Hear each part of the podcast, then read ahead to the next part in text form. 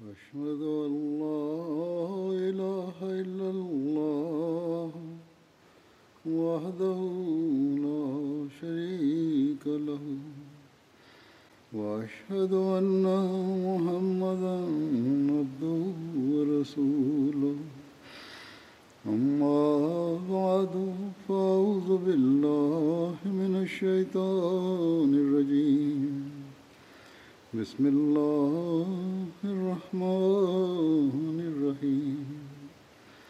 الحمد لله رب العالمين. الرحمن الرحيم. مالك يوم الدين. إياك نعبد وإياك نستعين.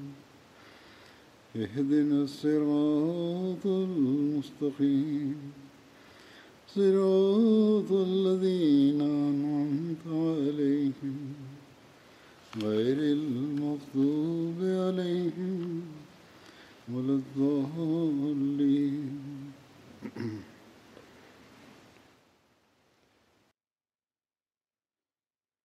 لقد قدم سيدنا المصلح الموعود رضي الله عنه مثال سيدنا عمر رضي الله عنه بيانا لحالة الصحابة قبل الإسلام والانقلاب الذي ظهر فيهم بعد الإسلام. وقد ذكرت هذا المثال في الماضي وأذكره هنا انطلاقا من هذا الموضوع. فقد كتب حضرته انظروا كيف صار الناس صحابة النبي صلى الله عليه وسلم وكيف نالوا الدرجات الكبيرة. فإنما ببذل الجهود والمجاهدة. وإلا كانوا أنفسهم عطاش دم النبي صلى الله عليه وسلم وكانوا يسبونه. فسيدنا عمر رضي الله عنه الذي أصبح ثاني خلفاء النبي صلى الله عليه وسلم كان في البداية ألد أعداء النبي صلى الله عليه وسلم حتى خرج من بيته بنية قتله. فصادفه في الطريق رجل سأله أين ذاهب؟ فقال إني ذاهب لقتل محمد صلى الله عليه وسلم.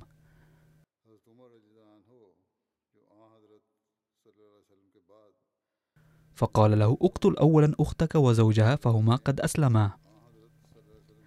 فبعد ذلك اقتل محمدا صلى الله عليه وسلم. فاستشاط غضبا وتوجه فورا إلى بيت أخته. فوجد الباب مغلقا وكان شخص يقرأ عليهما القرآن وهما يستمعان إليه. وإلى ذلك الوقت لم يكن أمر الحجاب قد نزل. لذا كان ذلك الصحابي يجلس معهما في بيتهما. فدق سيدنا عمر الباب وقال افتحوا الباب فخاف الذين كانوا في البيت أن يقتلهم لذا لم يفتحوا. فقال سيدنا عمر إن لم تفتحوا الباب فسأكسره. فأخفى زوجها ذلك الصحابي القارئ واختفى بنفسه أيضا. ثم فتحت أخته الباب فسألها سيدنا عمر ماذا كنتم تفعلون؟ ومن ذا الذي كان يقرأ شيئا؟ فأرادت أن تصرفه من ذلك لكن حضرته قال لها أريد أن أسمع ما كنتم تقرؤون. فقالت له ربما أسأت إليه. فلن نكرهه عليك حتى لو قتلتنا. فقال لها إني أعدك أني لن أسيء إليه. أي إلى القرآن الكريم. فقرأت عليه القرآن فبكى عمر وأسرع إلى النبي صلى الله عليه وسلم والسيف ما زال بيده. فنظر إليه النبي صلى الله عليه وسلم وقال له إلى ما تستمر في ذلك. فبكى إثر سماع ذلك وقال كنت قد خرجت لقتلك فأصبحت صيدا لك.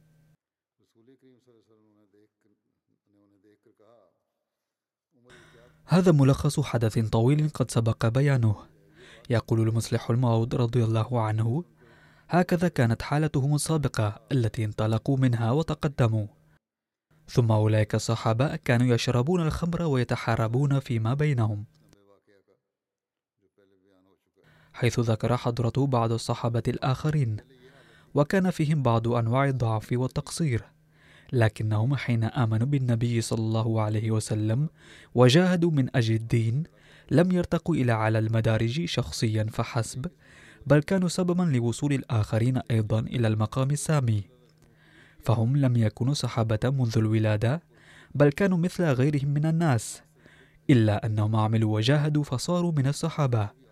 وإذا عملنا اليوم مثلهم فيمكن أن نكون نحن أيضا من الصحابة.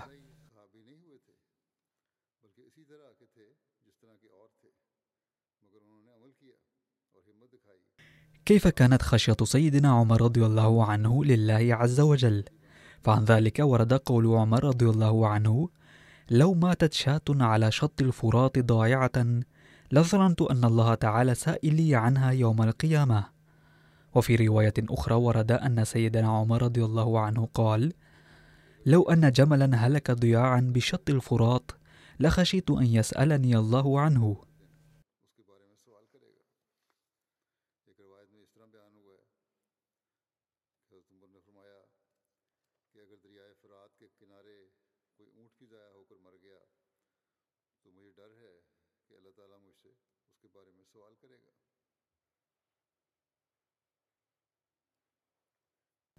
وعن أنس بن مالك قال خرجت يوما مع عمر بن الخطاب.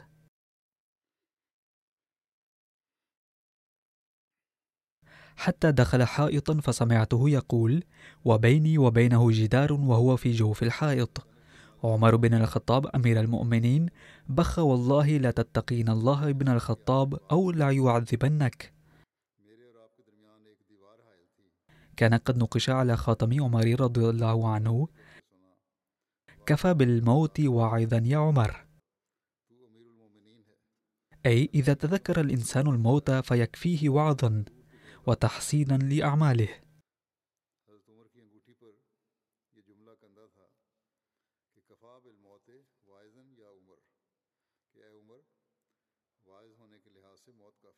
قال عبد الله بن شداد سمعت نشيج عمر وأنا في آخر الصفوف وهو يقرأ إنما أشكو بثي وحزني إلى الله.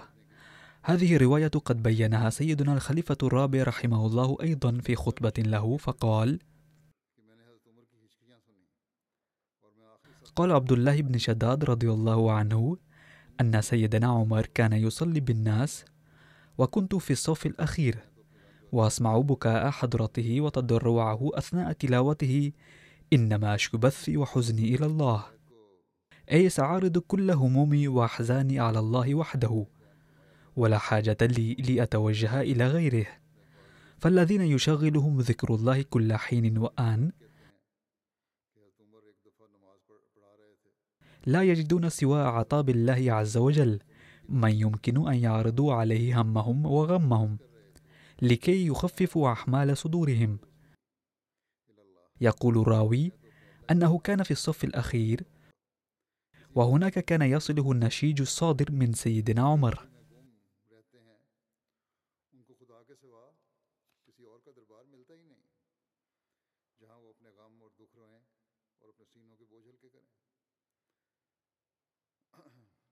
كيف كان سيدنا عمر رضي الله عنه يهتم بمن كانوا قد خدموا الدين وضحوا من أجله من الأسلاف؟ فعن ذلك رواية عن ثعلبة بن أبي مالك قال إن عمر بن الخطاب رضي الله عنه قسم مروطا بين نساء من نساء المدينة فبقي مرط جيد.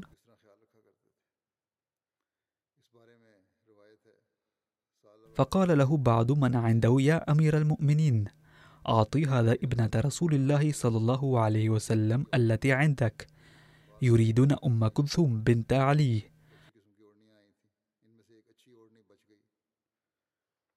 فقال عمر أم صليط أحق وأم صليط من نساء الأنصار. ممن بايع رسول الله صلى الله عليه وسلم.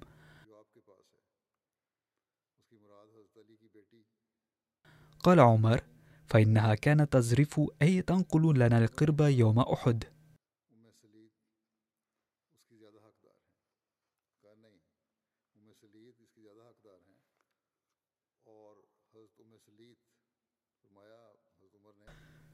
ثم نجد في رواية إكرام حضرته لأقارب المضحين أيضا فعن زيد بن أسلم عن أبيه قال خرجت مع عمر بن الخطاب رضي الله عنه إلى السوق فلاحقت عمر امرأة شابة فقالت يا أمير المؤمنين هلك زوجي وترك صبية صغارا والله ما ينضجون كراعا ولا لهم زرع ولا ضرع وخشيت أن تأكلهم الضبع.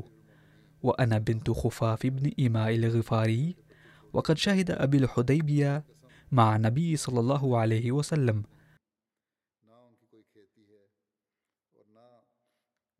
فوقف معها عمر ولم يمضي ثم قال مرحبا بنسب قريب. ثم انصرف إلى بعير ظهير.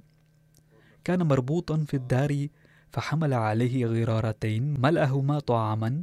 وحمل بينهما نفقة وثيابا ثم ناولها بخطامه ثم قال اقتديه فلن يفنى حتى يأتيكم الله بخير فقال رجل يا أمير المؤمنين أكثرت لها قال عمر ثكلتك أمك أي أبدى سخطه.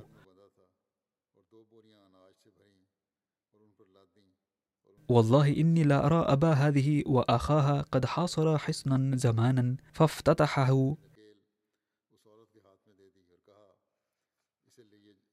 ثم أصبحنا نستفيء سهمانهما فيه.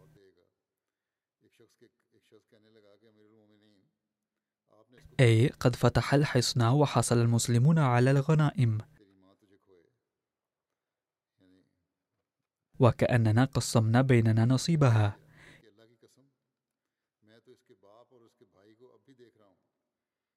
إذا كانت المرأة تستحق نصيبا منها. لذا يجب أن تعطى شيئا.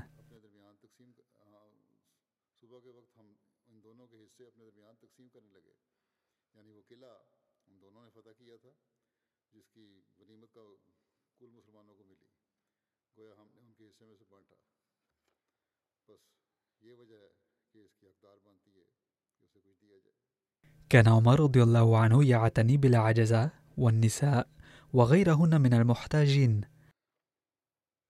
فقد جاءت بهذا الشأن في رواية خرج عمر ليلة في سواد الليل فدخل بيتا فلما أصبحت ذهبت إلى ذلك البيت. فإذا عجوز عمياء مقعدة فقلت لها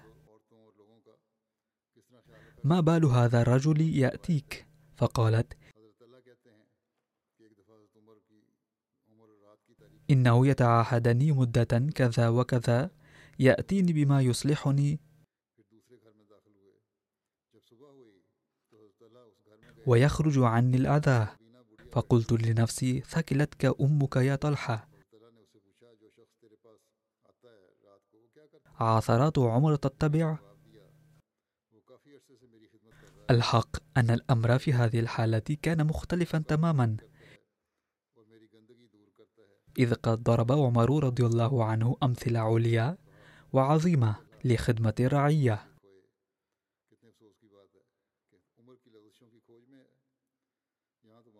هناك عدة روايات تتحدث عن قضاء سيدنا عمر رضي الله عنه حاجات المحتاجين والنساء والأطفال.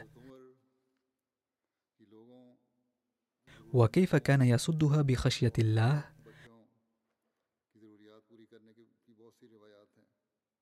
وكيف كان يضطرب بشدة كلما رأى عدم قضاء حاجات رعيته. لقد سردت بعض الأمثلة بهذا الشأن في بعض خطبي. وبينت أنه رضي الله عنه سأل ذات مرة امرأة سبب بكاء ابنها. فقالت إن عمر لم يوفر للرضع قوتهم لذا لا أرضعه ليعتاد على تناول الغذاء العادي. لذلك هو يبكي من الجوع. فاضطرب عمر رضي الله عنه بسماع ذلك ودبر طعامه فورا. ثم أعلن بتوفير الغذاء لكل مولود حديث الولادة أيضا.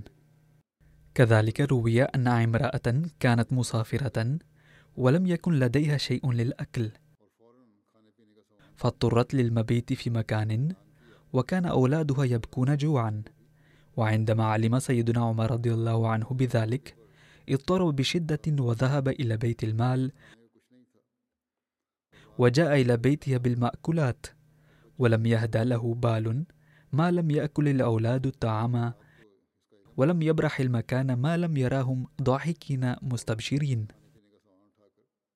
يقول سيدنا المصلح الموعود رضي الله عنه ثم انظروا إلى عمر رضي الله عنه الذي كان أكابر ملوك العالم يرتعبون منه. حتى كانت حكومة قيصر وكسرى أيضا ترتعب منه. ولكن شخصا عظيم المرتبة مثل عمر رضي الله عنه اضطرب في جوف الليل عندما علم عن جوع أولاد امرأة بدوية وحمل على ظهره كيس الدقيق وفي يده علبة الزيت وسلمهما إلى المرأة ولم يرجع إلى بيته ما لم تطبخ الأم الطعام وتطعم الصبيان ونام هادئ البال.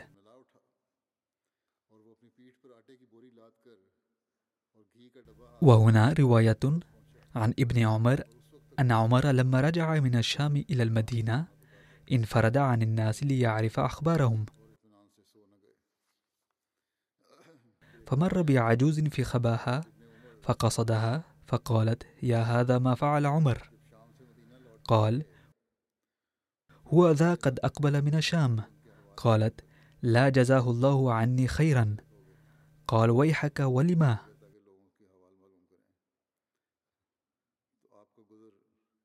قالت لأنه والله ما نالني من عطائه منذ ولي. إلى يومنا هذا دينار ولا درهم.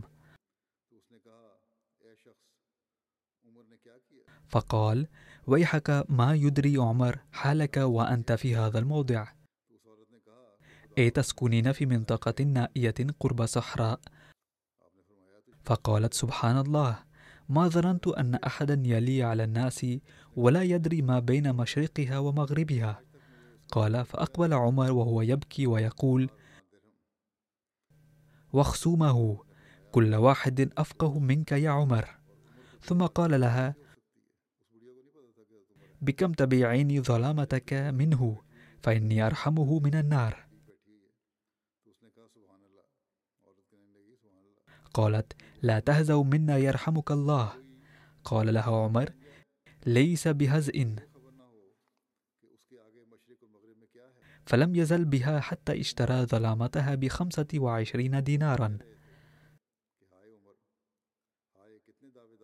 فبين هو كذلك إذ أقبل علي بن أبي طالب وابن مسعود فقال السلام عليك يا أمير المؤمنين. فوضعت المرأة يدها على رأسها وقالت وسوءتاه شتمت أمير المؤمنين في وجهه. فقال لها عمر لا عليك يرحمك الله. قال ثم طلب عمر قطعة جلد يكتب فيه فلم يجد.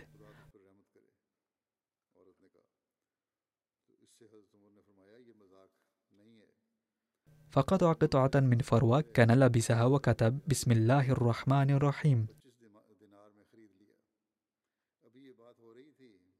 هذا ما اشترى عمر من فلانة ظلامتها منذ ولي إلى يومنا بخمسة وعشرين دينارا.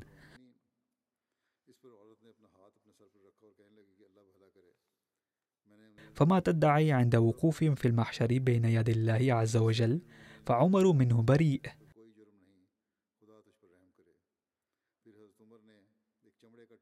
شهد على ذلك علي بن أبي طالب وعبد الله بن مسعود.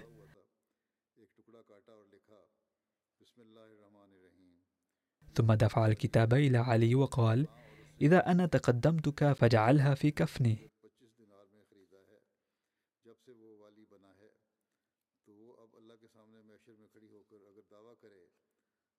إن الناس يهتمون كثيرا بعلاقاتهم مع الأولاد ونرى في هذه الأيام أيضا أن الناس يضربون أمثلة عليا بهذا الشأن ولكن ماذا كانت أسوة سيدنا عمر رضي الله عنه بهذا الشأن؟ فقد ذكر ذلك في رواية عن أسلم وهو مولى عمر أعتقه بين وهو أي عمر يعس بالمدينة أعياء فاتكى على جدار فإذا امرأة تقول لابنتها قومي إلى ذلك اللبن فامذقيه بالماء. فقالت يا أمتاه وما علمت ما كان من عزمة أمير المؤمنين اليوم؟ قالت وما كان من عزمته قالت نادى مناديه لا يشاب اللبن بالماء. فقالت لها يا بنتاه قومي فامذقيه فإنك في موضع لا يراك عمر ولا منادي عمر. فقالت الصبية ما كنت أطيعه في الملأ وعاصيه في الخلاء. وعمر يسمع كل ذلك فقال يا أسلم علم الباب. وعرف الموضع. وفي اليوم التالي بعث عمر رضي الله عنه شخصا ليطلب يد تلك البنت لابنه عاصم. فزوجها من ابنه عاصم نظرا إلى صدقها وصلاحها. فولدت لعاصم ابنة فتزوجها عبد العزيز. فولدت له عمر بن عبد العزيز.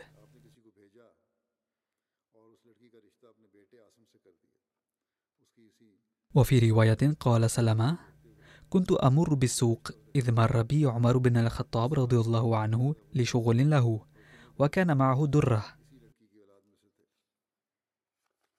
فقال لي يا سلمة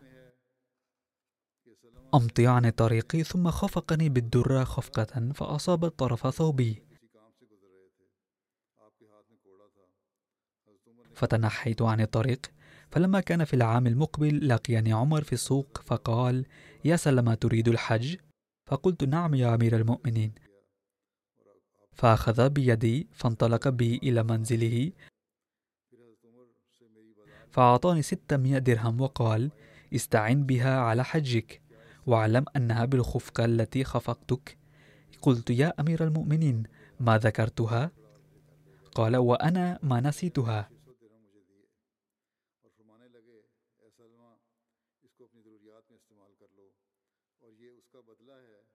كان عمر رضي الله عنه يهتم بأسعار السوق أيضا لكي لا تتأثر حقوق أي فريق من المواطنين. كان المصلح الموعود رضي الله عنه بهذا الصدد.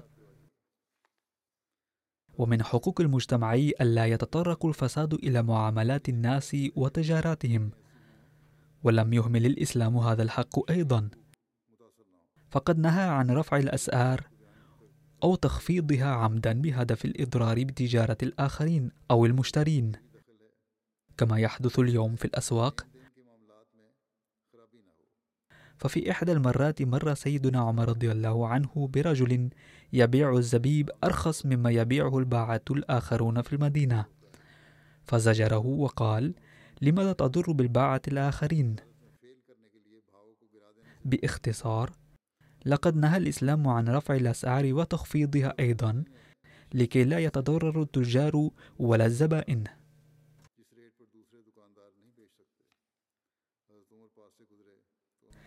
عن عامر أن رجلا جاء إلى عمر رضي الله عنه وقال كانت لي ابنة وأدوها في الجاهلية ولكني أخرجتها من القبر قبل أن تموت. ولما أسلمت وقع عليها حد من الحدود. ارتكبت خطيئة مما وقع عليها الحد. فأمرت الشفر على وداجها لكي تقتل نفسها. فأدركتها فداويت جرحها حتى برئت. ثم إنها تابت توبة نصوحة الآن يا أمير المؤمنين يخطبها الناس. فهل أذكر لهم عيبها السابق؟ فقال عمر رضي الله عنه لقد سترها الله تعالى وأنت تريد أن تفضحها.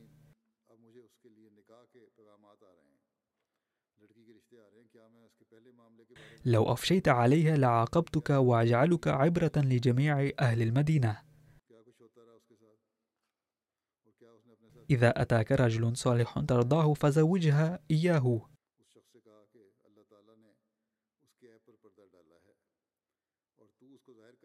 كيف كان عمر رضي الله عنه قلقا لحياة الناس في طاعون عمواس؟ ورد عنه أن هناك واديا على بعد ستة أميال في الطريق الواصل من رملة إلى بيت المقدس واسمه عمواس ورد في كتب التاريخ أن مرض الطاعون بدأ من هنا وانتشر في أرض الشام لذا سمي طاعون عمواس مات بسببه كثير من الناس في الشام. وعند البعض يبلغ عدد الموتى 25 تقريبا. خرج عمر رضي الله عنه من المدينة إلى الشام في السابع عشر للهجرة وحين وصل سرغ لقي الأمراء. وسرغ قرية في وادي طبوك بالقرب من حدود الشام والحجاز. وبلغوا عمر رضي الله عنه أن الطاعون قد تفشى في أرض عمواس. فرجع عمر رضي الله عنه بعد التشاور. وتفصيله ورد في رواية لصحيح البخاري. وقد ذكرتها في سياق آخر من قبل أيضا. عن عبد الله بن عباس أن عمر بن الخطاب رضي الله عنه خرج إلى الشام حتى إذا كان بسرغ لقيه عمر الأجناد أبو عبيدة بن الجراح رضي الله عنه وأصحابه فأخبروه أن الوباء قد وضع بأرض الشام. قال ابن عباس رضي الله عنه فقال عمر ادعوا لي المهاجرين الأولين فدعاهم فاستشارهم وأخبرهم أن الوباء قد وقع بالشام. فاختلفوا. فقال بعضهم قد خرجت لأمر ولا نرى أن ترجع عنه وقال بعضهم معك بقية الناس وأصحاب رسول الله صلى الله عليه وسلم. ولا نرى أن تقدمهم على هذا الوباء. فقال ارتفعوا عني. ثم قال ادعوا لي الأنصار. فدعوتهم فاستشارهم فسلكوا سبيل المهاجرين واختلفوا كاختلافهم. فقال ارتفعوا عني. ثم قال ادعوا لي من كان هاهنا من مشيخة قريش من مهاجرة الفتح. فدعوتهم فلم يختلف منهم عليه رجلان فقالوا نرى أن ترجع بالناس ولا تقدمهم على هذا الوباء. فنادى عمر في الناس إني مسبح على ظهر فأصبحوا عليه. قال أبو عبيدة بن الجراح أفرارا من قدر الله؟ فقال عمر لو غيرك قالها يا أبا عبيدة نعم نافر من قدر الله إلى قدر الله. أرأيت لو كان لك إبل هبطت واديا له عدوتان إحداهما خصبة والأخرى جدبة أليس إن رعيت الخصبة رعيتها بقدر الله. وإن رعيت الجدبة رعيتها بقدر الله. قال فجاء عبد الرحمن بن عوف وكان متغيبا في بعض حاجته فقال إن عندي في هذا علما. سمعت رسول الله صلى الله عليه وسلم يقول إذا سمعتم به بأرض فلا تقدموا عليه وإذا وقع بأرض وأنتم بها فلا تخرجوا فرارا منه. قال فحمد الله عمر ثم انصرف. كان عمر رضي الله عنه قدم من المدينة ولم يكن قد وصل موضع الوباء حتى رجع مع أصحابه ولكن أبا عبيدة كان أمير الجيش وكان في موضع الوباء لذا أقام هو والجنود المسلمون في بلاد الطاعون. ظلوا في أماكنهم وحين وصل عمر رضي الله عنه المدينة بدأ يفكر في كيفية حماية المسلمين المقيمين في الشام من ويلات الطاعون. وكان عمر رضي الله عنه قلقا لأبي عبيدة رضي الله عنه بوجه خاص. فذات يوم كتب عمر رضي الله عنه رسالة إلى أبي عبيدة إني بدت لي إليك حاجة لا غنى لي عنك فيها. فإذا أتاك كتابي ليلا فإني عازم عليك ألا تصبح حتى تركب علي. وإن أتاك نهارا فإني عازم عليك ألا تمسي حتى تركب إلي. هذا كان حبه لأبي عبيدة. وحين قرأ أبو عبيدة الكتاب رد عليه قد علمت حاجة أمير المؤمنين إلي. فهو يريد أن يستبق من ليس بباق. هكذا فكر أبو عبيدة أن الله يعلم بما سيحدث بي وكتب إليه يا أمير المؤمنين إني قد عرفت حاجتك إلي وإني في جند من المسلمين. ولا أجد بنفسي رغبة عن الذي يصيبهم ولا أريد فراقهم حتى يقضي الله في وفيهم أمره. فإذا أتاك كتابي هذا فحللني من عزمك. وأذن لي بالبقاء. لما قرأ عمر كتابه هذا بكى. فقال من عنده؟ أمات أبو عبيدة يا أمير المؤمنين. فقال عمر لا وكأن قد. فكتب سيدنا عمر إلى أبي عبيدة بعد استشارة أصحاب الرأي إنك أنزلت الناس أرضا عميقة فارفعهم إلى أرض مرتفعة نزهة.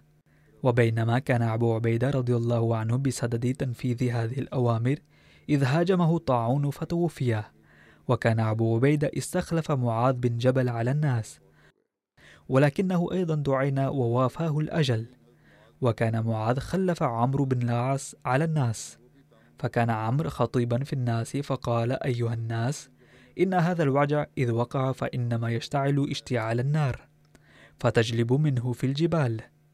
ثم خرج بالناس إلى الجبال حتى خفت وطأة الوباء وانتهى بالتدريج. فبلغ سيدنا عمر رضي الله عنه كلام عامر استحسنه بل اعتبره تنفيذا لأوامره التي أرسلها لأبي عبيدة رضي الله عنهم. ومات بهذا الوباء بالإضافة أبي عبيدة بن جراح معاذ بن جبل ويزيد بن أبي سفيان والحارث بن أحشام وسهيل بن عمر وعتبة بن سهيل وغيرهم من الكبار رضي الله عنهم. وقال المصلح المعود رضي الله عنه في مناسبة أخرى وهو يتحدث عن عودة سيدنا عمر رضي الله عنه بسبب طاعون عمواس لما وقعت الحرب في الشام وتفشى الطاعون هنالك ذهب سيدنا عمر بنفسه إلى هناك لتدبير حماية الجيوش الإسلامية من الطاعون بعد استشارة أصحاب الرأي. لكن لما اشتدت وطأته أشار الصحابة على سيدنا عمر أن يرجع إلى المدينة لأن بقاءه هنا ليس جيدا. فلما أراد العودة قال له أبو عبيدة أفرارا من قدر الله؟ فقال عمر نعم نفر من قدر الله إلى قدر الله. فإهمال اتخاذ التدابير المادية لا يجوز. غير أنه لا بد من جعل التدابير المادية تابعة للدين. واقعة استجابة دعاء سيدنا عمر عن خوات بن جبير رضي الله عنه قال أصاب الناس قحط شديد على عهد خليفة سيدنا عمر فخرج بالناس فصلى بهم صلاة الاستسقاء ركعتين وخالف بين طرفي ردائه فجعل اليمين على اليسار واليسار على اليمين. أي التف بالرداء.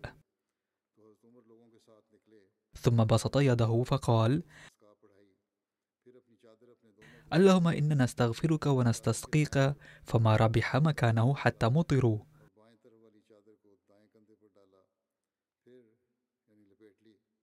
قال راوي فقدم إخواننا العرب إلى عمر فقالوا يا أمير المؤمنين بين نحن في بوادين في يوم كذا في ساعة كذا إذ أظلنا غمام. فسمعنا فيها صوتا. أتاك الغوث أبا حفص. أتاك الغوث أبا حفص.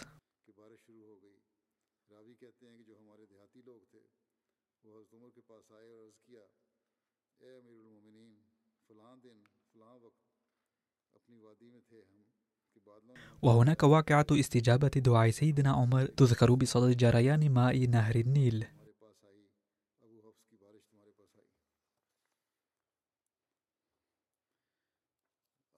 يقال أنه كان عند المصريين قبل الإسلام تقليد يقومون به عند جفاف نهر النيل. والله أعلم ما إذا لهذا التقليد أي أثر في جريان النيل أم لا.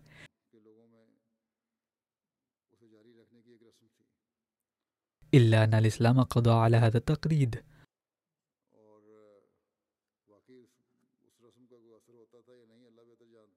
والقصة التي تحكي بهذا الصدد هي عن كيس بن الحجاج قال لما فتحت مصر أتى أهلها إلى عمرو بن العاص وفي يوم من أيام شهر معين من شهور العجم فقالوا أيها الأمير إن لنيلنا هذا سنة لا يجري إلا بها. فقال لهم وما ذاك؟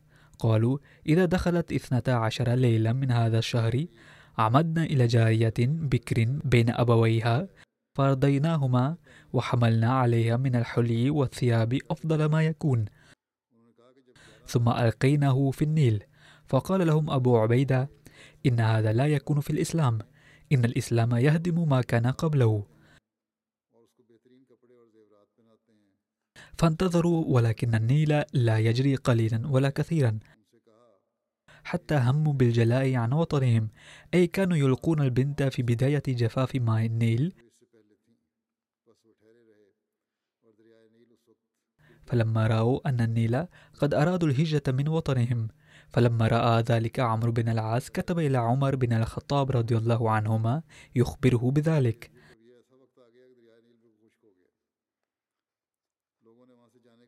فكتب إليه عمر في الجواب إنك قد أصبت لأن الإسلام يهدم ما كان قبله. وكتب عمر بطاقة داخل كتابه وكتب إلى عمرو إني قد بعثت إليك ببطاقة داخل كتابي فألقيها في النيل. فلما قدم كتاب عمر أخذ عمرو بن العاص البطاقة فإذا فيها. من عبد الله عمر بن الخطاب أمير المؤمنين إلى نيل مصر. أما بعد فإن كنت تجري من قبلك فلا تجري. وإن كان الله الواحد القهار هو الذي يجريك فنسأل الله الواحد القهار أن يجريك. فألقى عمرو البطاقة في النيل قبل عيد الصليب بيوم فلما أصبحوا أجرى الله النيل ستة عشر ذراعا في ليلة واحدة. فقطع الله تلك السنة السوء عن أهل مصر.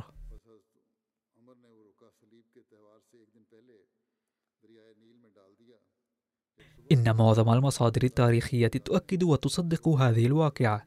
ولكن قد أنكرها محمد حسين هيكل كاتب سيرة سيدنا عمر وقال لم يكن بمصر أي تقليد من هذا القبيل. على كل حال هذه هي الواقعة التي تحكى بهذا الصدد. وثم واقعة سماع سارية صوت عمر رضي الله عنهما خلال القتال. وقد ذكرتها من قبل غير أني أتناولها هنا أيضا في سياق استجابة دعاء سيدنا عمر وما خصه الله به من ألطاف.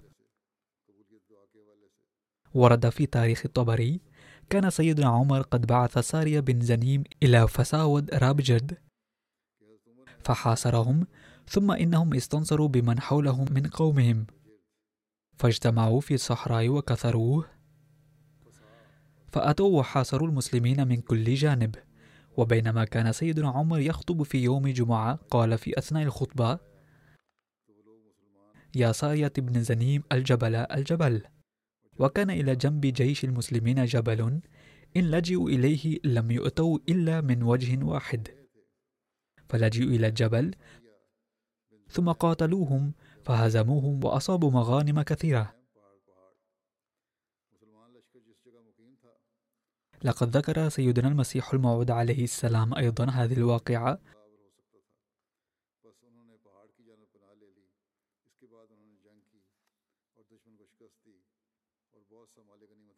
وقال إن مثل هذه الخوارق ثابتة من الصحابة بكثرة.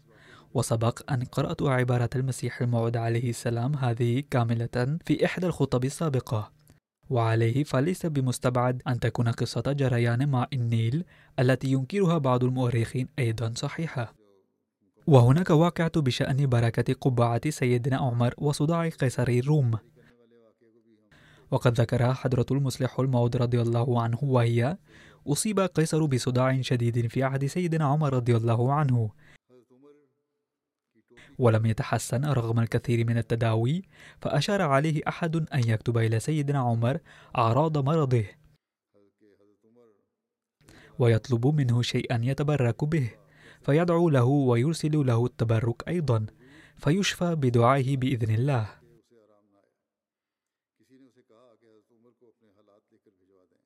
فأرسل قيصر مندوبه إلى عمر رضي الله عنه خطر ببال عمر رضي الله عنه أن هؤلاء الناس مستكبرون وأن كان له أن يرسل مندوبه إلي إلا أنه اضطر لذلك بسبب مرضه.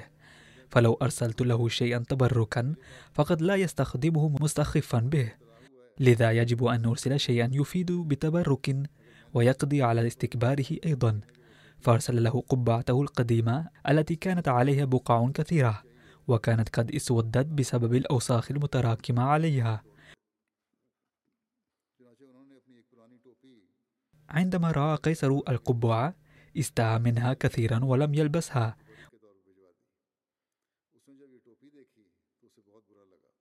ولكن الله تعالى أراد أن يريه أنه لن ينال البركة الآن إلا بواسطة محمد صلى الله عليه وسلم فقط. فأصيب بصداع شديد فطلب من خدامه أن يحضروا القبعة التي أرسلها عمر رضي الله عنه ليلبسها. فلبسها وزال صداعه. وكان يصاب بصداع كل أسبوع أو كل عشر أيام. فصار من عادته أن يجلس في بلاطه لابسا قبعة عمر رضي الله عنه الوسخة. يقول المصلح المعود رضي الله عنه هذه المعجزة التي أراها الله تعالى كانت تتضمن عبرة أخرى أيضا. كان أحد أصحاب النبي صلى الله عليه وسلم أسيرا عند قيصر وأمر قيصر أن يطعم الأسير لحم الخنزير ففضل صحابي المجاعة على أكل الخنزير. مع أن الإسلام يسمح بأكل لحم الخنزير في حالة الاضطرار ولكن قال صحابي إني صحابي ولا يسعني أن أفعل ذلك. فعندما كان يشرف على الموت نتيجة المجاعة إلى عدة أيام كان قيصر يعطيه خبزا وكلما استعاد بعض القوة أمر أن يطعمه لحم الخنزير. فكأنه لا يسمح له أن يموت ولا يحيا. فقال له أحد ذات يوم بأنك أصبت بالصداع لأنك سجنت مسلما وعلاجه أن تطلب من عمر رضي الله عنه شيئا تبركا وتطلب منه الدعاء أيضا. عندما أرسل عمر رضي الله عنه قبعته وتحسن بها صداع قيصر تأثر من ذلك كثيرا. وأطلق سراح الصحابي انظر الآن أن قيصر آذى صحابيا وبالنتيجة قدر الله أن يصاب بصداع ثم أشار عليه أحد أن يطلب التبرك والدعاء من عمر رضي الله عنه. فأرسل له عمر وزال صداع قيصر. وبذلك قدر الله إطلاق سراح الصحابي وأظهر عليه صدق محمد صلى الله عليه وسلم. ورد في تفسير رازي كتب قيصر إلى عمر رضي الله عنه أن بي صداعا لا يسكن فابعث لي دواء. فبعث إليه عمر قلنسوة فكان إذا وضعها على رأسه يسكن صداعه وإذا رفعها عن رأسه عاوده الصداع فعجب منه ففتش القلنسوة فإذا فيها مكتوب بسم الله الرحمن الرحيم. هذا ما ورد في تفسير رازي.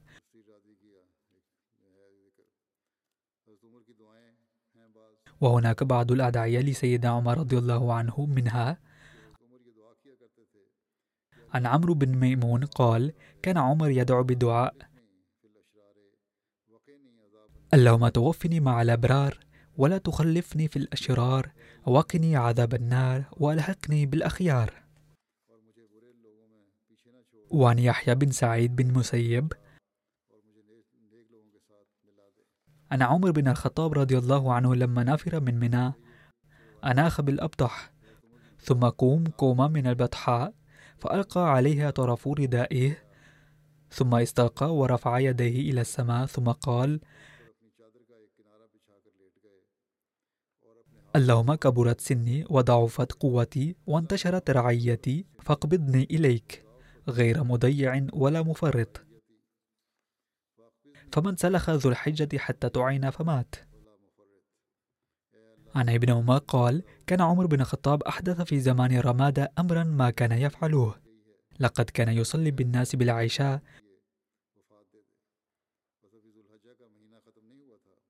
ثم يخرج متى يدخل بيته فلا يزال يصلي حتى يكون آخر الليل. ثم يخرج فيأتي الأنقاب فيطوف عليه وإني لا أسمعه ليلة في السحر وهو يقول اللهم لا تجعل هلاك أمة محمد على يدي. يقول الخليفة الأول رضي الله عنه يجب على الإنسان أن يعبد الله خالصة له. ثم لا يبالي وإن حسبه الناس سيئا. إن جعل المرء نفسه سيئا ظاهريا يثبت غير جائز من الدعاء التالي. الذي علمه النبي صلى الله عليه وسلم عمر رضي الله عنه وهو كما يلي اللهم اجعل سريرتي خيرا من علانيتي واجعل علانيتي صالحة.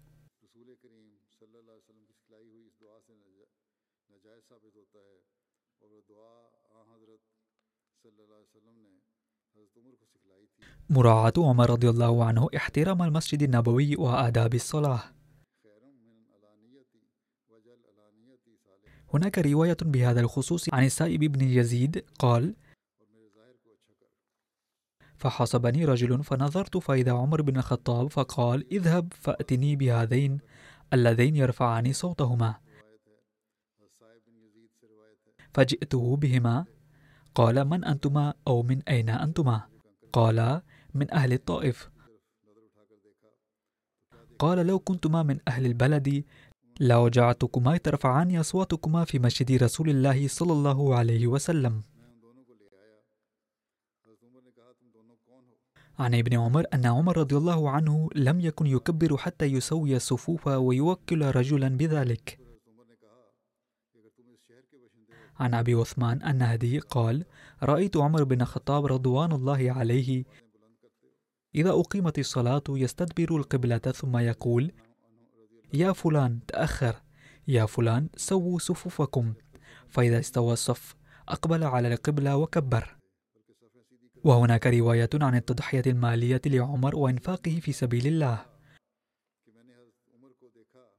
بل هناك روايات كثيرة غيرها أيضا.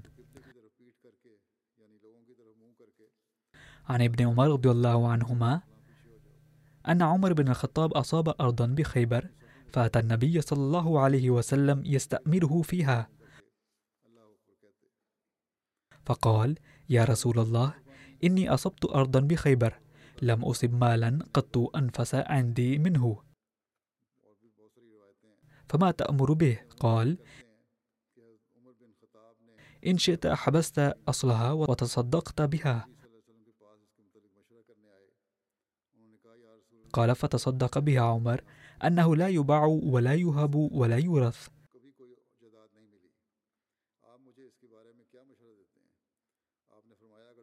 وتصدق بها في الفقراء.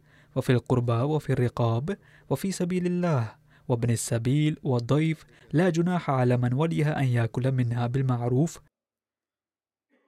ويطعم غير متمول. لقد سعى عمر رضي الله عنه أن يكون سباقا في التضحية المالية عند كل مناسبة. فمرة طلب النبي صلى الله عليه وسلم المال فجاء عمر بنصف ماله وقد تقدم ذكر هذه الواقعة.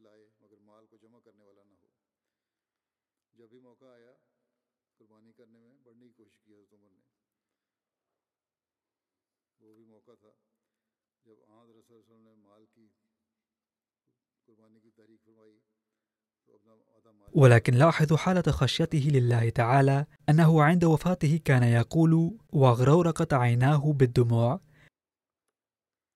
لا أستحق أي نعم. إنما أريد أن أنجو من العقاب. هكذا كانت خشيته لله تعالى. لقد بقيت بعض الأمور الأخرى التي تذكر لاحقا إن شاء الله.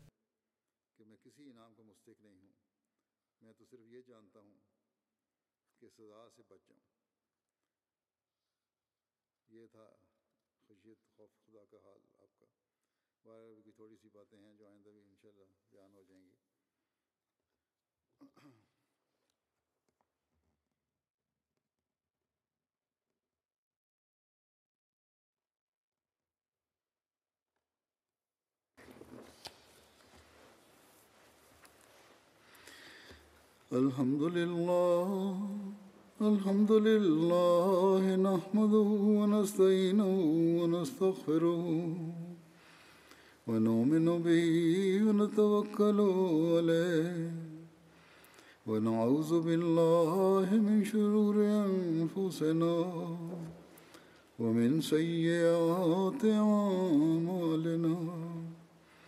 من يهده الله فلا مضل له ومن يضلل فلا هادي له ونشهد أن لا إله إلا الله ونشهد أن محمدا عبده ورسوله عباد الله رحمكم الله إن الله يأمر بالعدل والإحسان وإيتاء ذي القربى وينهى عن الفحشاء والمنكر والبغي يعظكم لعلكم تذكرون اذكروا الله يذكركم وادعوه يستجب لكم ولذكر الله أكبر.